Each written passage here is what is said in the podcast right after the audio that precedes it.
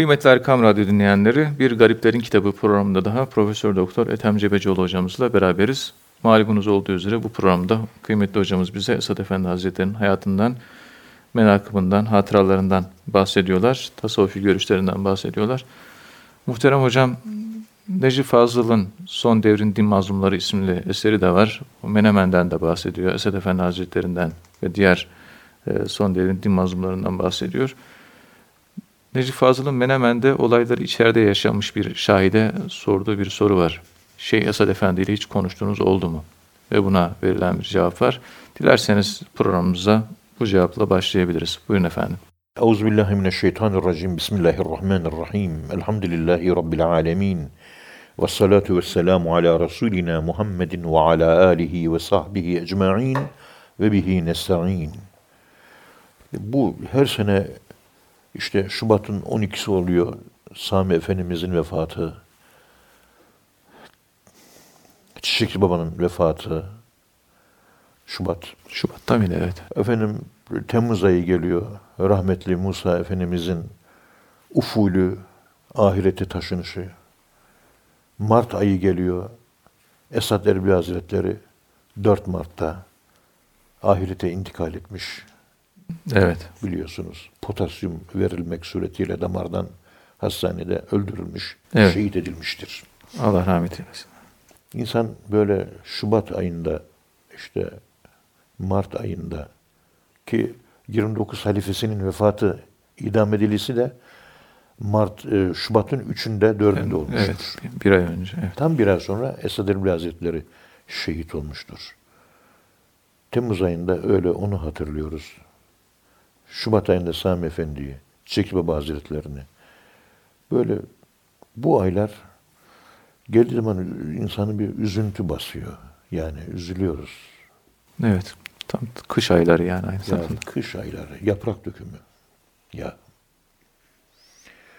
Efendim Necip Fazıl Kısakürek Menemen'in olayını son devrin din mazlumlarında yazarken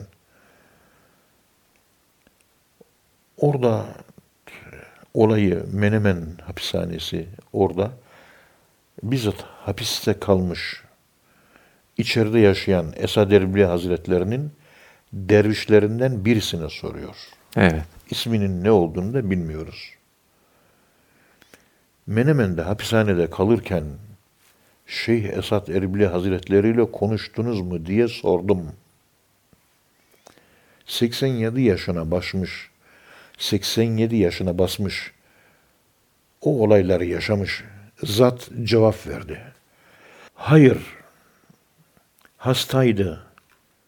Esad Erbil Hazretleri hep devamlı hastanede kaldı ve hastanede de vefat etti. Ama oğlu Mehmet Ali Efendi ile beraber biz aynı koğuştaydık. Evet. Hep beraber namaz kılar, ibadet eder, zikir çekerdik. Zaman zaman aramızda sohbetler olurdu. Mehmet Ali Efendi çok faziletli bir insandı. Erdemli bir insandı. Evet. Esad Erbili Hazretleri esasen Karl Wett'in hatıratında da görüldüğü gibi Menemen'den 6 sene önce 1925'te zaten 1900 yani Menemen'de evet. sende kaldı. Daha 5 sene önce 1925'te Karl Wett diyor ki hatıratta her sabah alafranga saatle şu saatte bir doktor gelirdi diyor.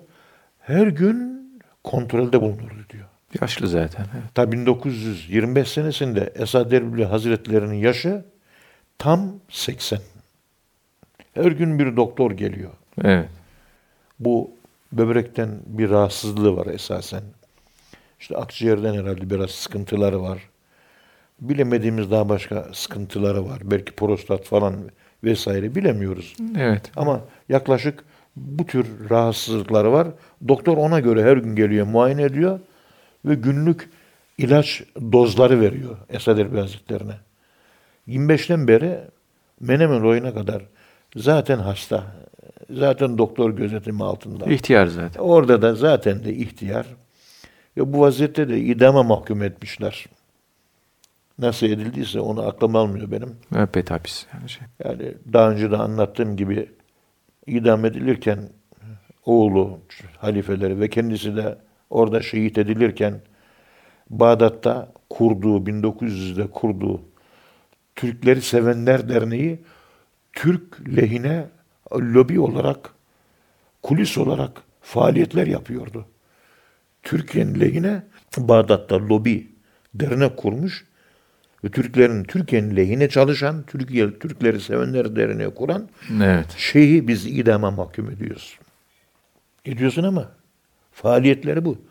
Yurt dışında Türkleri Sevenler Derneği Türk lobisi oluşturmuş adam. Mübarek zat Türk lobisi oluşturmuş.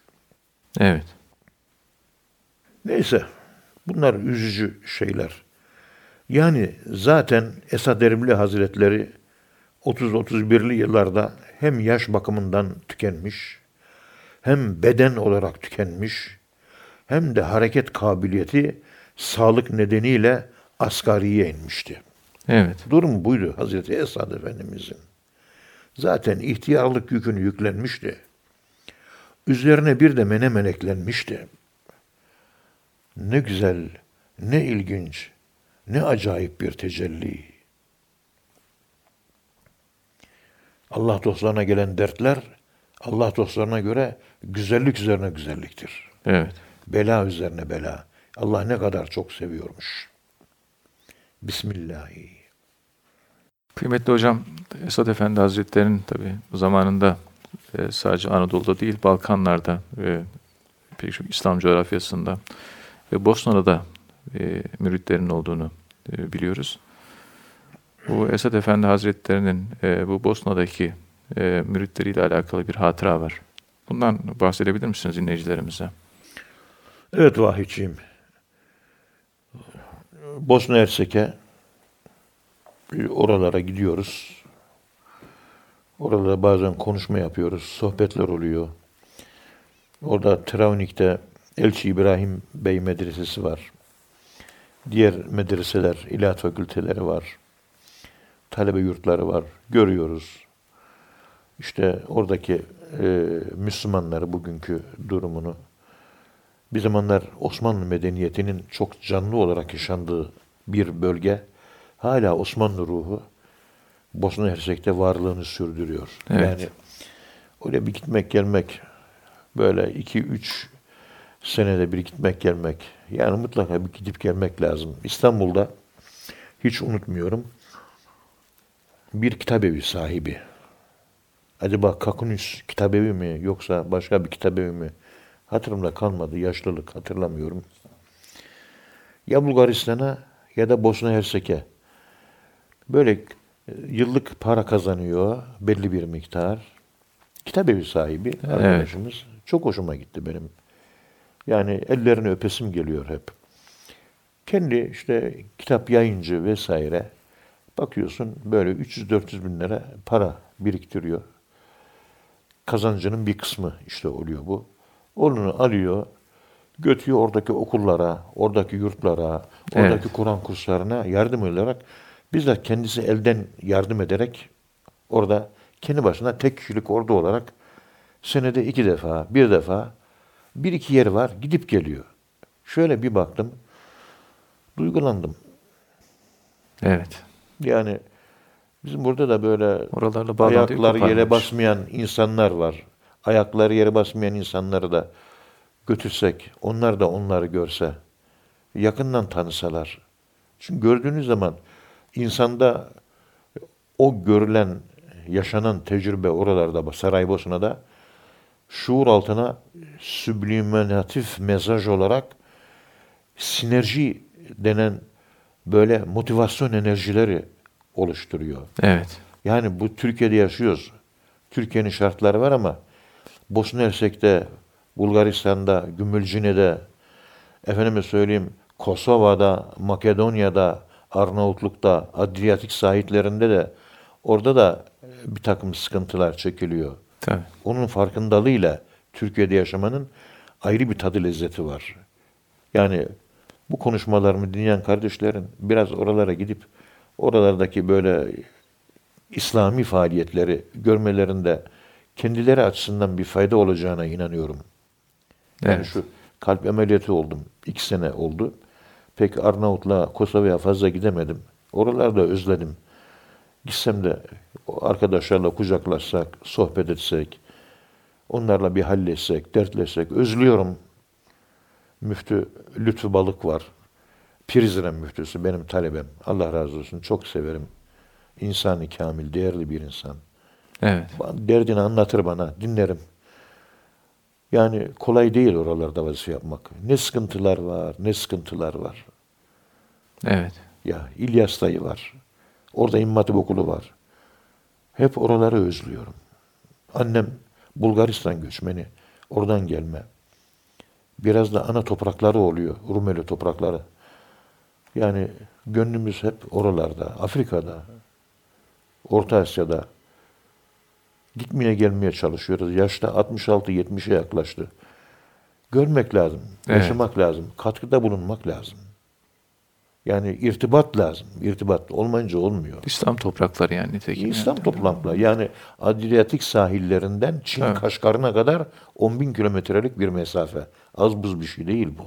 Evet. Ya.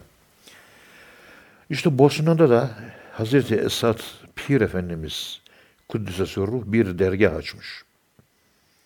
Kendisi Nakşi Kadiri Şeyhi. Ve bu soluğu Avrupa topraklarına yani Viyana'ya yakındır biliyorsun oralara. Evet. Avusturya'ya yakındır. Avust- Ta Avrupa'nın göbeği sayılır neredeyse oraları. Oralara kadar bu soluk Alperenlerin soluğu. Hoca Ahmet Yesevi'nin Nakşibendi soluğu. Hacı Bektaş Veli'nin soluğu. Evet. Bosna'ya kadar uzanmıştı. Türkiye'de, Yemen'de, Irak'ta, Suriye'de, Adriyatik sahillerine kadar uzanan bir coğrafyada Esad Erbili Hazretleri'nin halifeleri vardı. Osmanlı coğrafyasını düşünüyorsunuz. Esad Erbil Hazretleri bizzat kendisi şöyle anlatıyor. Şu geçtiğimiz yıllarda 1920-1921'li yıllarda Evet. Cuma günleri hoş sadası ve düzgün kıraatiyle Kur'an okuyan müritlerimden birisini eline bir mektup verdim. Ve selamımla Bosna Hersek'e Sarajevo'ya göndermiştim. Evet. O beş yıldan beri Sarajevo'da Bosna Hersek'te görev yapıyor. Şimdi orada bizim bu tarikatımıza intisap etmiş ihvan sayısı neredeyse bini geçti diyor. Yani bir kişi gidiyor. Demek ki orada tarikatın yayılmasına Evet, katkı. kaliteli birisini yollamış. Evet. Toplam kalite üretimi açısından göze, kulağa, kafaya, gönlüne hitap edilecek yetişmiş bir insan yolluyor. Ve orada bin kişilik Faaliyetlerde bir bulunuyor. insan topluluğu. Evet. Meydana Onun geliyor. için seçilen halifeleri Esad Elbi Hazretleri önce bilgili. Ondan sonra sesi güzel. Ondan sonra hitabeti güzel. Ondan sonra kabiliyetli. Ondan sonra topluma uyan. Evet. Yani bu özellikleri olan insanlar. O zamanlar halifeler böyle seçilirmiş. Evet. Diyor ki Esad Erbil Hazretleri ayrıca Paris yakınlarında pek çok gayrimüslimi kendine çeken bir tarikat var. İşte o tarikat o da yayılıyor. İslam hiçbir zaman propaganda yapmaz. Hal ile yayılmayı tercih eder. Yani Evet. konuşma yoluyla değil, beyne hitap ederek değil, kalbe hitap ederek, kalbe yönelerek yayılır İslam. İslam'ın kuralı bu. Hiçbir propaganda yapılmamasına rağmen o Paris yakınlarındaki o merkezde, İslam merkezinde İslam'a geçiş olayları, ihtida olayları sık sık yaşanmaktadır. Evet. Hakikaten Paris Santral Camisi var. İslam merkezi cami. Orayı ziyaret etmiştim Paris'te. Faslılar yönetiyorlar orayı. Orada her cuma günü mutlaka 5-10 tane kişi muntazaman her hafta Müslüman olur. Yani oranın da böyle bir güzel özelliği var. Çünkü Endülüs coğrafyasını tanıyorlar. İslam kültürüne Orta Avrupa'ya göre daha yakınlar. Denizin öbür tarafında İslam ülkeleri, Fat, Cezayir, Tunus, Libya vesaire olduğu için oradan gelenler de çok. Yani bugün 60 milyonluk bir Fransa'da 5 milyon Alceryen yaşıyor. Cezayir. 5 milyon Cezayirli yaşıyor. Almanya'da da 5 milyon Müslüman Türk yaşıyor. Evet. Bunlar otomatikman e, demografik olarak, psikodemografik olarak İslam'ın soluğunu oralara üflüyorlar. Biz buradayız. La ilahe illallah diyorlar. Ne kadar güzel bir şey. Bütün zaten Avrupa'nın her yerinde Müslüman sayısı yapılan en son analizlere göre, en son tahlillere göre 30 ila 40 milyon arasında Avrupa topraklarında Müslüman yaşıyor şu anda. Evet. Sayı az değil. Evet. Yani bir propaganda olmadan, reklam olmadan böyle bir temsil Yok. ederek İslam bu- kalpten kalbe o kalpten. kadar. Kur'an kalbe inmiştir. Peygamberimiz kalbe hitap etmiştir. Kalp o kadar. Hidayetin merkezi o. Akıl değil. Akıl ayrıştırır. Evet. Kalp birleştirir. Evet hocam. Kıymetli hocam Allah razı olsun. Hocam Esad Efendi Hazretleri yine kötü ve iyilerin ölümünü anlatırken şöyle diyor. Günah işleyenlerin bir saat önce ölmesi maslahattır. Yani iyidir. Bunu nasıl anlamak gerekiyor hocam? Yani iyiler daha çok yaşasın anlamında mı söylüyor bunu? Evet. Hazreti Pir Efendimiz Kuddise Sürru 34. mektubunda eee, bu konuyu şöyle anlatıyor. Diyor ki günah işleyen bir insan bir saat önce ölse çok iyi diyor. Aynı şekilde iyilik yapan bir insanın da bir dakika fazla yaşaması o da iyi diyor. Evet. Günah işleyenlerin bir an önce gitmesi, iyilik yapanların da uzun yaşaması. Ne kadar güzeldir diyor. Ve açıklamasını şöyle yapıyor. Allah'ın zikri ve Allah'ın tefekkürüyle ihya edilen, değerlendirilen vakitler bütün topluma dirlik getirir, düzen getirir. Yani caddede, Kızılay'da yürüyorsunuz. Kızılay'da caddede yürürken caddede yürüyen insanların en az yarısı giderken yolda Allah Allah Allah diye zikrediyor ve pozitif enerji neşrediyor. Evet. Kızılay'a gidin, gezin, gelin rahatlarsınız. Ama şimdi biz Kızılay'a bizim talebeler gidiyor, geliyor, rahatlamış olarak gelmiyor. Sıkıntıyla geliyor. Çünkü gaflet ehliyle dolu orası. Evet. İşte pozitif düşünen, yani Allah'ı zikreden insanlar caddede, sokakta çoğaldıkça onların bulunduğu yere rahmet iner, merhamet iner, pozitif enerji iner. Siz görmeseniz bile dolaştım, rahatladım dersiniz. Evet. Ormanlık yerlerde ağaçların zikri. Mesela o İbn Hazm el-Endelusi'nin sanırım Muhalla adlı eserinde olsa gerek evde tek başına namaz kılarken bir saat verilir. Camide kılarsan 27 saat verilir. Ormanlık yerlerde, dağların başlarında böyle Allah'la baş başa sessizlik. Orada kılınan namazlara 50 misli saat verilir diye bir hadis naklediyor. Evet. Muhallada görmüştüm bu hadisi. Yani hikmetini Cami alır. 27. Evet. Dağın başında Allah'la baş başa. Çam ormanı. Hiç kimse yok. Böyle rüzgar esiyor. Çam ağacının iğneli yaprakların arasında hafif bir zikir sesi de geliyor. Kendinizi kaybediyorsunuz. Tabiatın zikriyle, Evet. kuşların, börtü böceklerin zikriyle. Sizin zikriniz bir araya karışıyor. Artık hangi yüksekliklere çıkıyorsunuz bilemiyoruz ama 50 diye bir rakam geçiyor orada. Evet. Onun için piknik yerlerine gidildiği zaman eskiden biz, şimdi talebeleri pikniğe götürme adeti de kalktı. Sosyal hayattan kopuk olarak, hayattan kopuk eğitim planları yapıyor şimdi. Geride yaylalarına çıkardık. Buradan 100 tane talebeyle güzelce öğle namazını kılardık. Arkasından 4 rekat tesbih namazı kılardık. 40 dakika sürerdi. Yayla. Böyle esiyor, kuşlar, Cıvıltılar, bilmem neler. Ondan sonra oturur yemeğimizi yerdik. Ondan sonra çocuklar top oynarlardı. Ondan sonra iki namazı Kur'an-ı Kerim tefsir dersi yapılırdı. Şimdiki eğitimci arkadaşlarımız eğitimlerine hayatla bağlantısı olan bu tür programları ya yapmıyorlar ya da çok az yapıyorlar. Hayattan kopuk eğitim. Mesela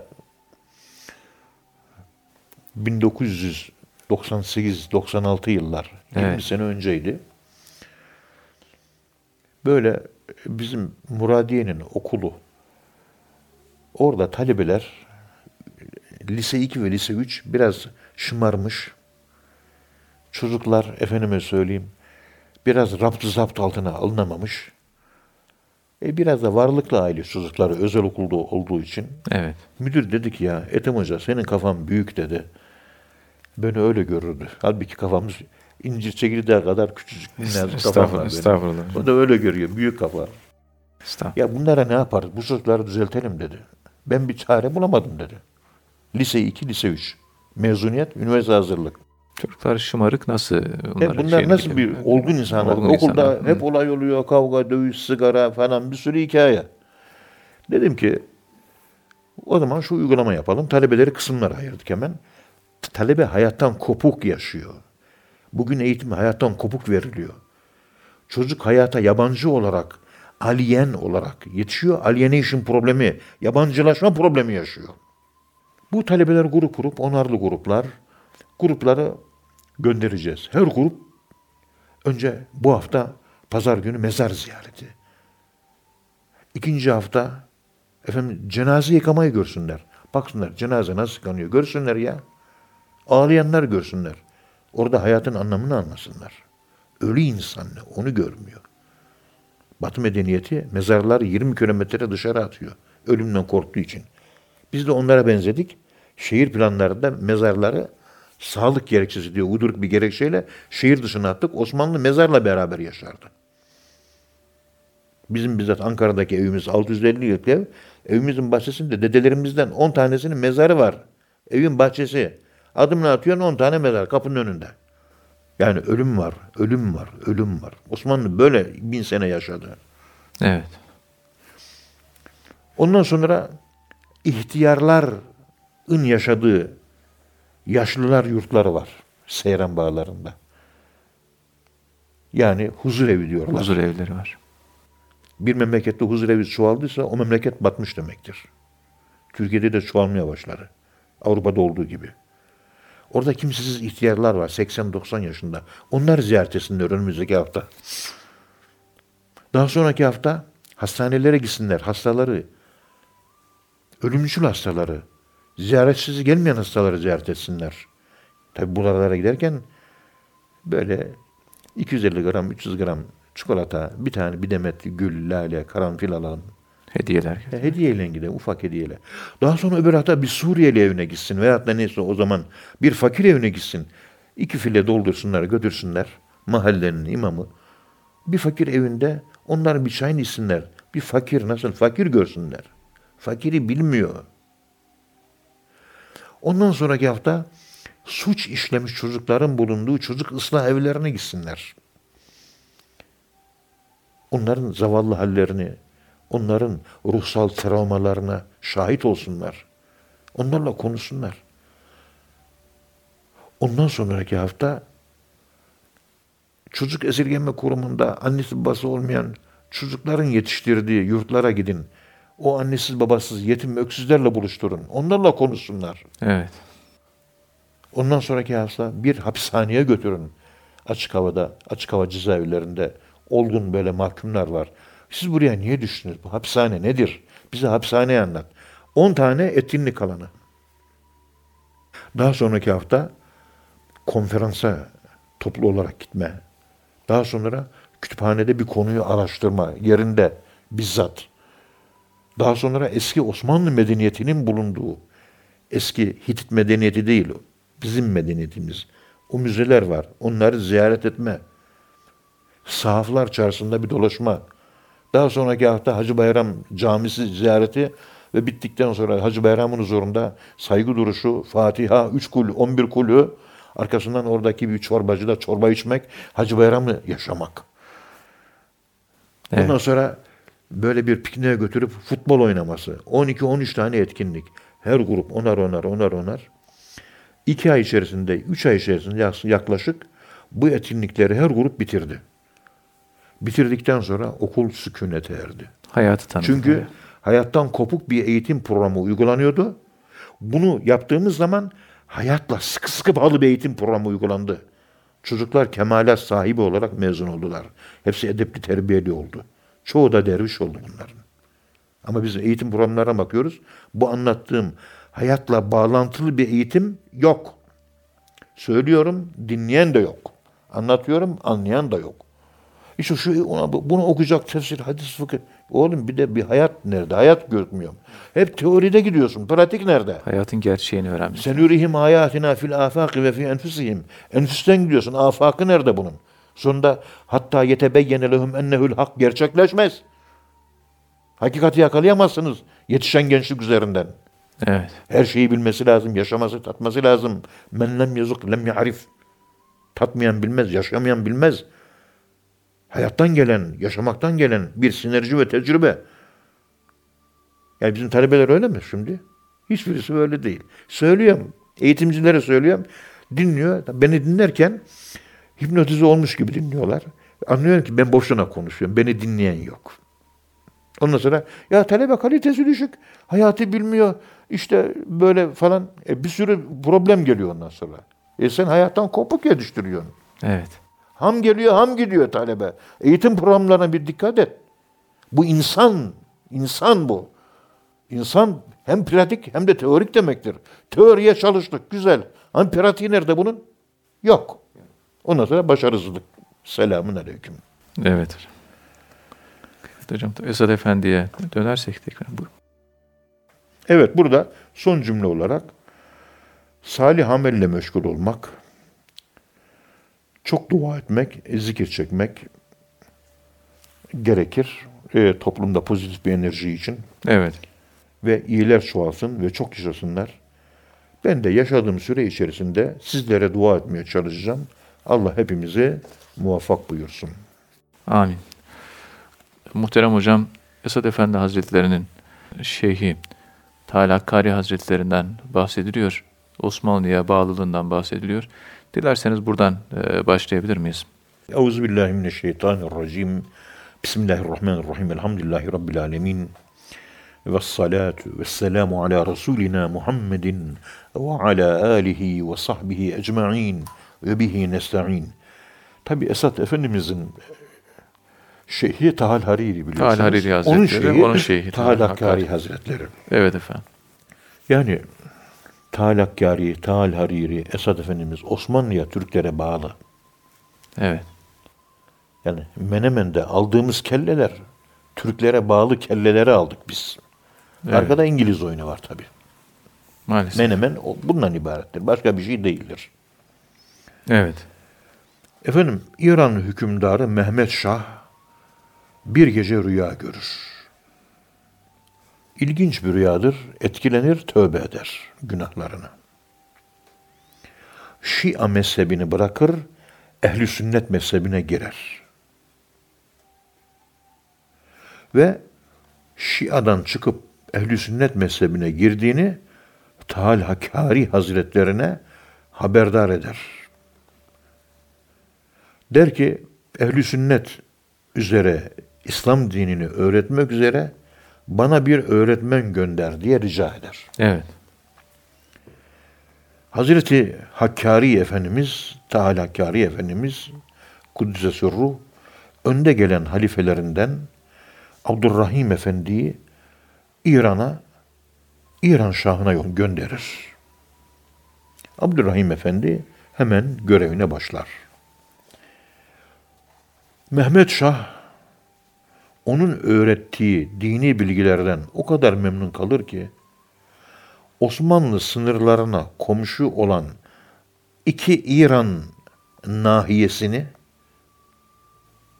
kasabasını bütün mal varlığıyla, bütün toprak varlığıyla, bütün varlığıyla Tahal Hakkari Hazretlerine hediye etmek ister.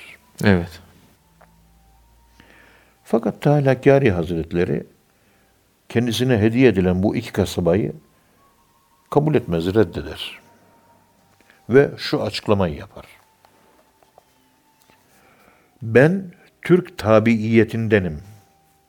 Devletimin sayesinde kendimin ve ailemin geçimini elhamdülillah elde edebiliyorum ve geçimim yerindedir elhamdülillah. Alakanıza ve iltifatlarınıza teşekkür ederim. Hediye ettiğiniz bu iki kasbayı kabul etmemekte ben mazurum, ihtiyacım yok. Devletimiz var olsun der. Evet. Ne kadar güzel. Türklere bağlı. Esad Erbil Hazretleri de bağlı. De, Şeyhi Tahal Hariri Hazretleri. Hazretleri bağlı. Ve onu Şeyhi Tahal Hakkari Hazretleri de bağlı. Evet. Vefa var yani, bir sadakat var yani Sadakat ifadelerde. var. Tabii. Mehmet Şah, İran Şahı, bunun üzerine hediye vermek üzere bir başka yol dener. Kendisine öğretmen gönderilen Abdurrahim Efendi'ye danışır. Hangi hediye verirsem reddetmez de kabul eder. İlle hediye vermek istiyor. Evet.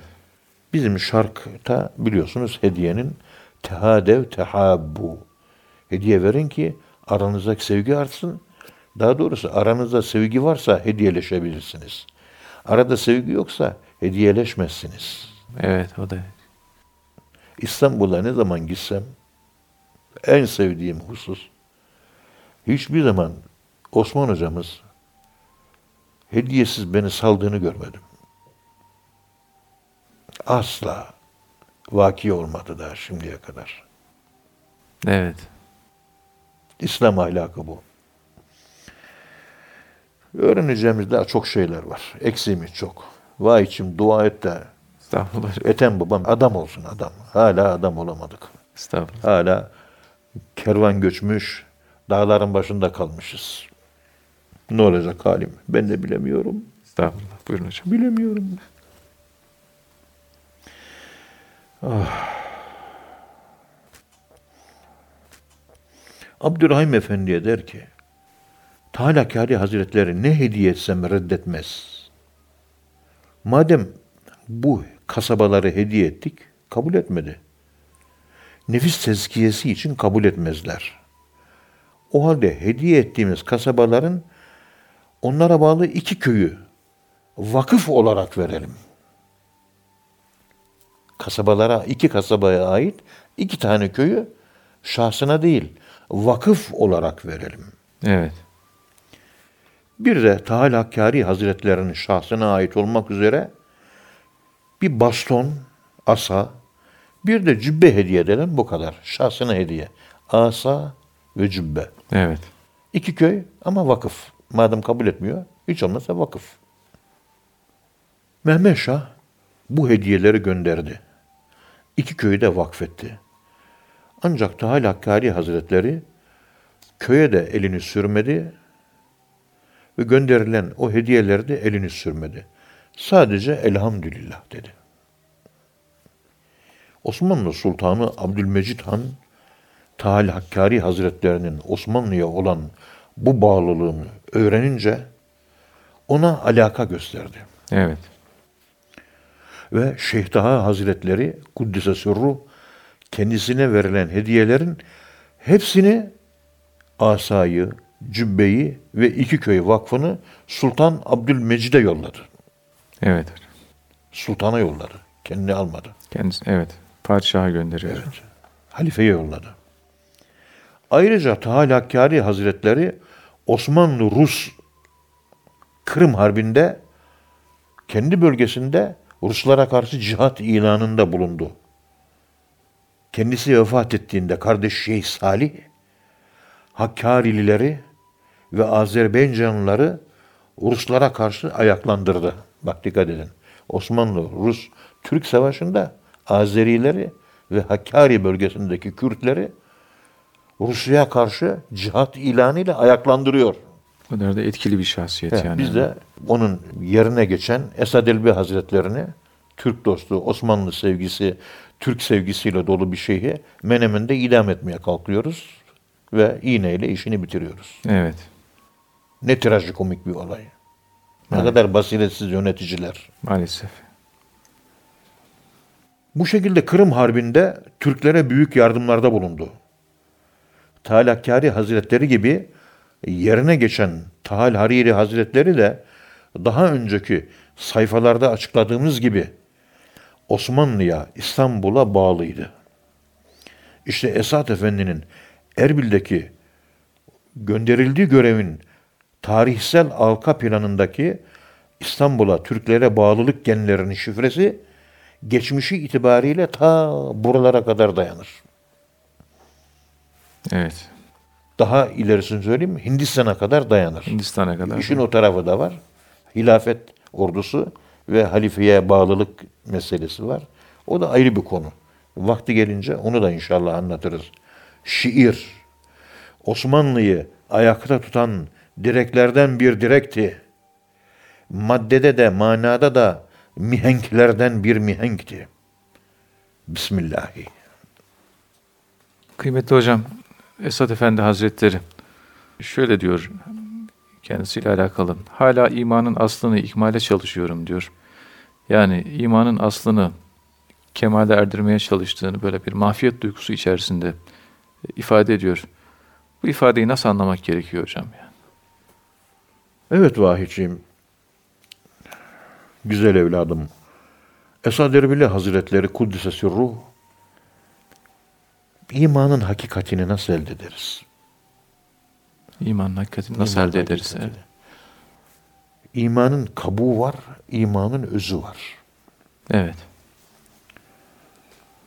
Bu özüne ermek, kemale ermek, özüne, essence, esans, ruhuna ulaşabilmek imanın. Nasıl olacak? Bunu nasıl erişilebileceğini anlatmak üzere sufiyane bir hiçlik, mahviyet duygusuyla 35. mektupta şöyle anlatıyor. Yani kelime-i tevhidi doğru dürüst söyleyebilmek. Nasıl olacak? Peygamber çünkü hadis-i şerif var. Peygamberimiz sallallahu aleyhi ve sellem Efendimiz buyuruyor ki. Kelime-i tevhid la ilahe illallah çok büyük bir kelimedir. Çok büyük bir kelimedir. Çok büyük kelimedir. Yani kolay kolay la ilahe illallah denmez diyor. Evet. Ya çok ağır bir kelimedir bu diyor. Ya dilde kolay la ilahe illallah. Ama, Ama- hakikati çok zor. Hakik. Hakikatinde kellenin gitmesi var. Yani nasıl la ilahe, Kimse, nasıl kimse hayatından vazgeçmiyor. Evet. Kimse la ilahe demiyor. Hep yarım tevhid. Herkes illallah diyor. Yani la ilahe nerede? Hiç kimsenin nefis cihadı yok. İşte yani böyle incelik. Kelime-i tevhidi doğru dürüst söyleyebilmek. Hal olarak, kal olarak, yaşayış olarak, iman olarak, inanç olarak nasıl gerçekleştirebileceğiz? Kalpteki putları nasıl Diyor de- ki, devireceğiz? Evet. Tabii. Kalp de bir Kabe'dir.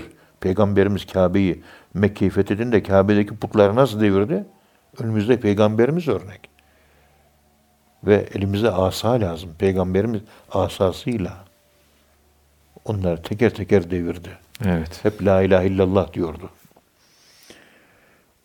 Bu fakir diyor Esad Erbil Hazretleri, yaşım şu kadar oldu, hala imanın hakikatini ikmale çalışıyorum diyor. Bu kelimeyi tevhidi doğru söylemeye çalışıyorum. Çünkü Cenabı Hakk'ın dışında bir matlup, yani sufi diliyle bir put, bir kalpte bulundukça o kalp sahibinin la ilahe illallah demesi zordur, çok zordur. Evet. Eferaeyte men itteheze ilahehu hevahu. Neyi seviyorsun? Sevdiğin şey senin taptığın puttur. Ayet iki yerde. Ahzab suresi, Necm suresinde geçiyor. Evet. Eferaeyte men itteheze ilahehu hevahu. Kişinin çok sevdiği şey taptığı tanrıdır. Onu gördün mü ey Muhammed diyor. İşte bu putlardan bir tane put kalpte varsa o kalp sahibinin la ilahe illallahı hakikatiyle söylemesi çok zor olur. Ayrıca manen kabule değer olduğu ve Allah'a kavuşmaya vesile olacağı da şüphelidir. Kalpte taptığın put var, dışında Allah bir diyorsun. Ama kalbin, ey Allah'ım senden fazla sevdiğim bir futbol var. Senden fazla parayı seviyorum. Senden fazla efendim söyleyeyim doları, euroyu, altını, gümüşü seviyorum. Ev seviyorum, villayı seviyorum, arabayı, Mercedesleri seviyorum. Bunlar hep birer put. Kalbinde bunların sevgisi olduğu müddet içerisinde dilin la ilahe illallah yalan söylüyor. Yalancısın. Pinokyo gibi burnun uzar. Evet. Çok zor la ilahe illallah demek. Yani masivas sevgisini atmadan kalpten öyle Olmuyor. bir hiçlik, hiçliğe ulaşmadan la ilahe illallah'ın hakiki bir şekilde telaffuz edilmesi mümkün değil. Hiçlik bitti. Osman hocamız öyle söyledi.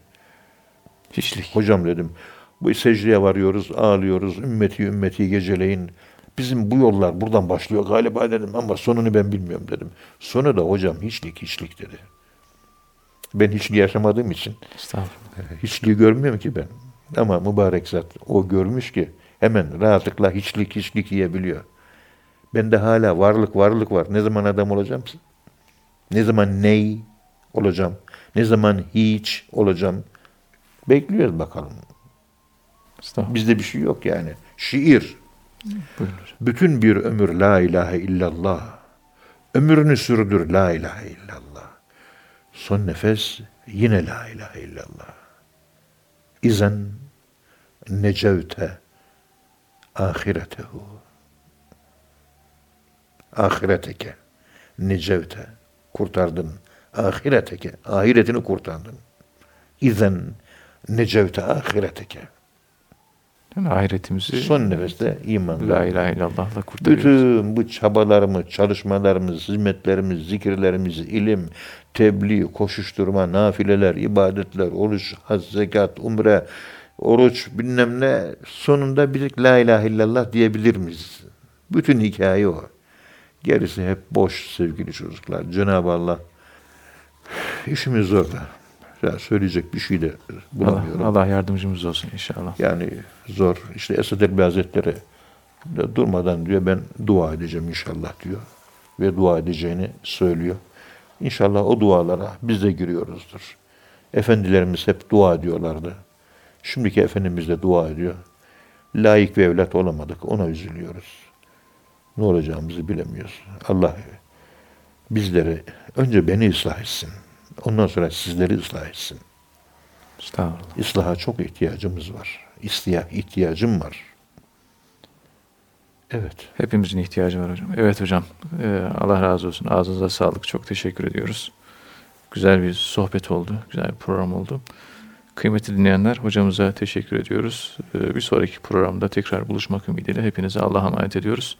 Hoşçakalın efendim.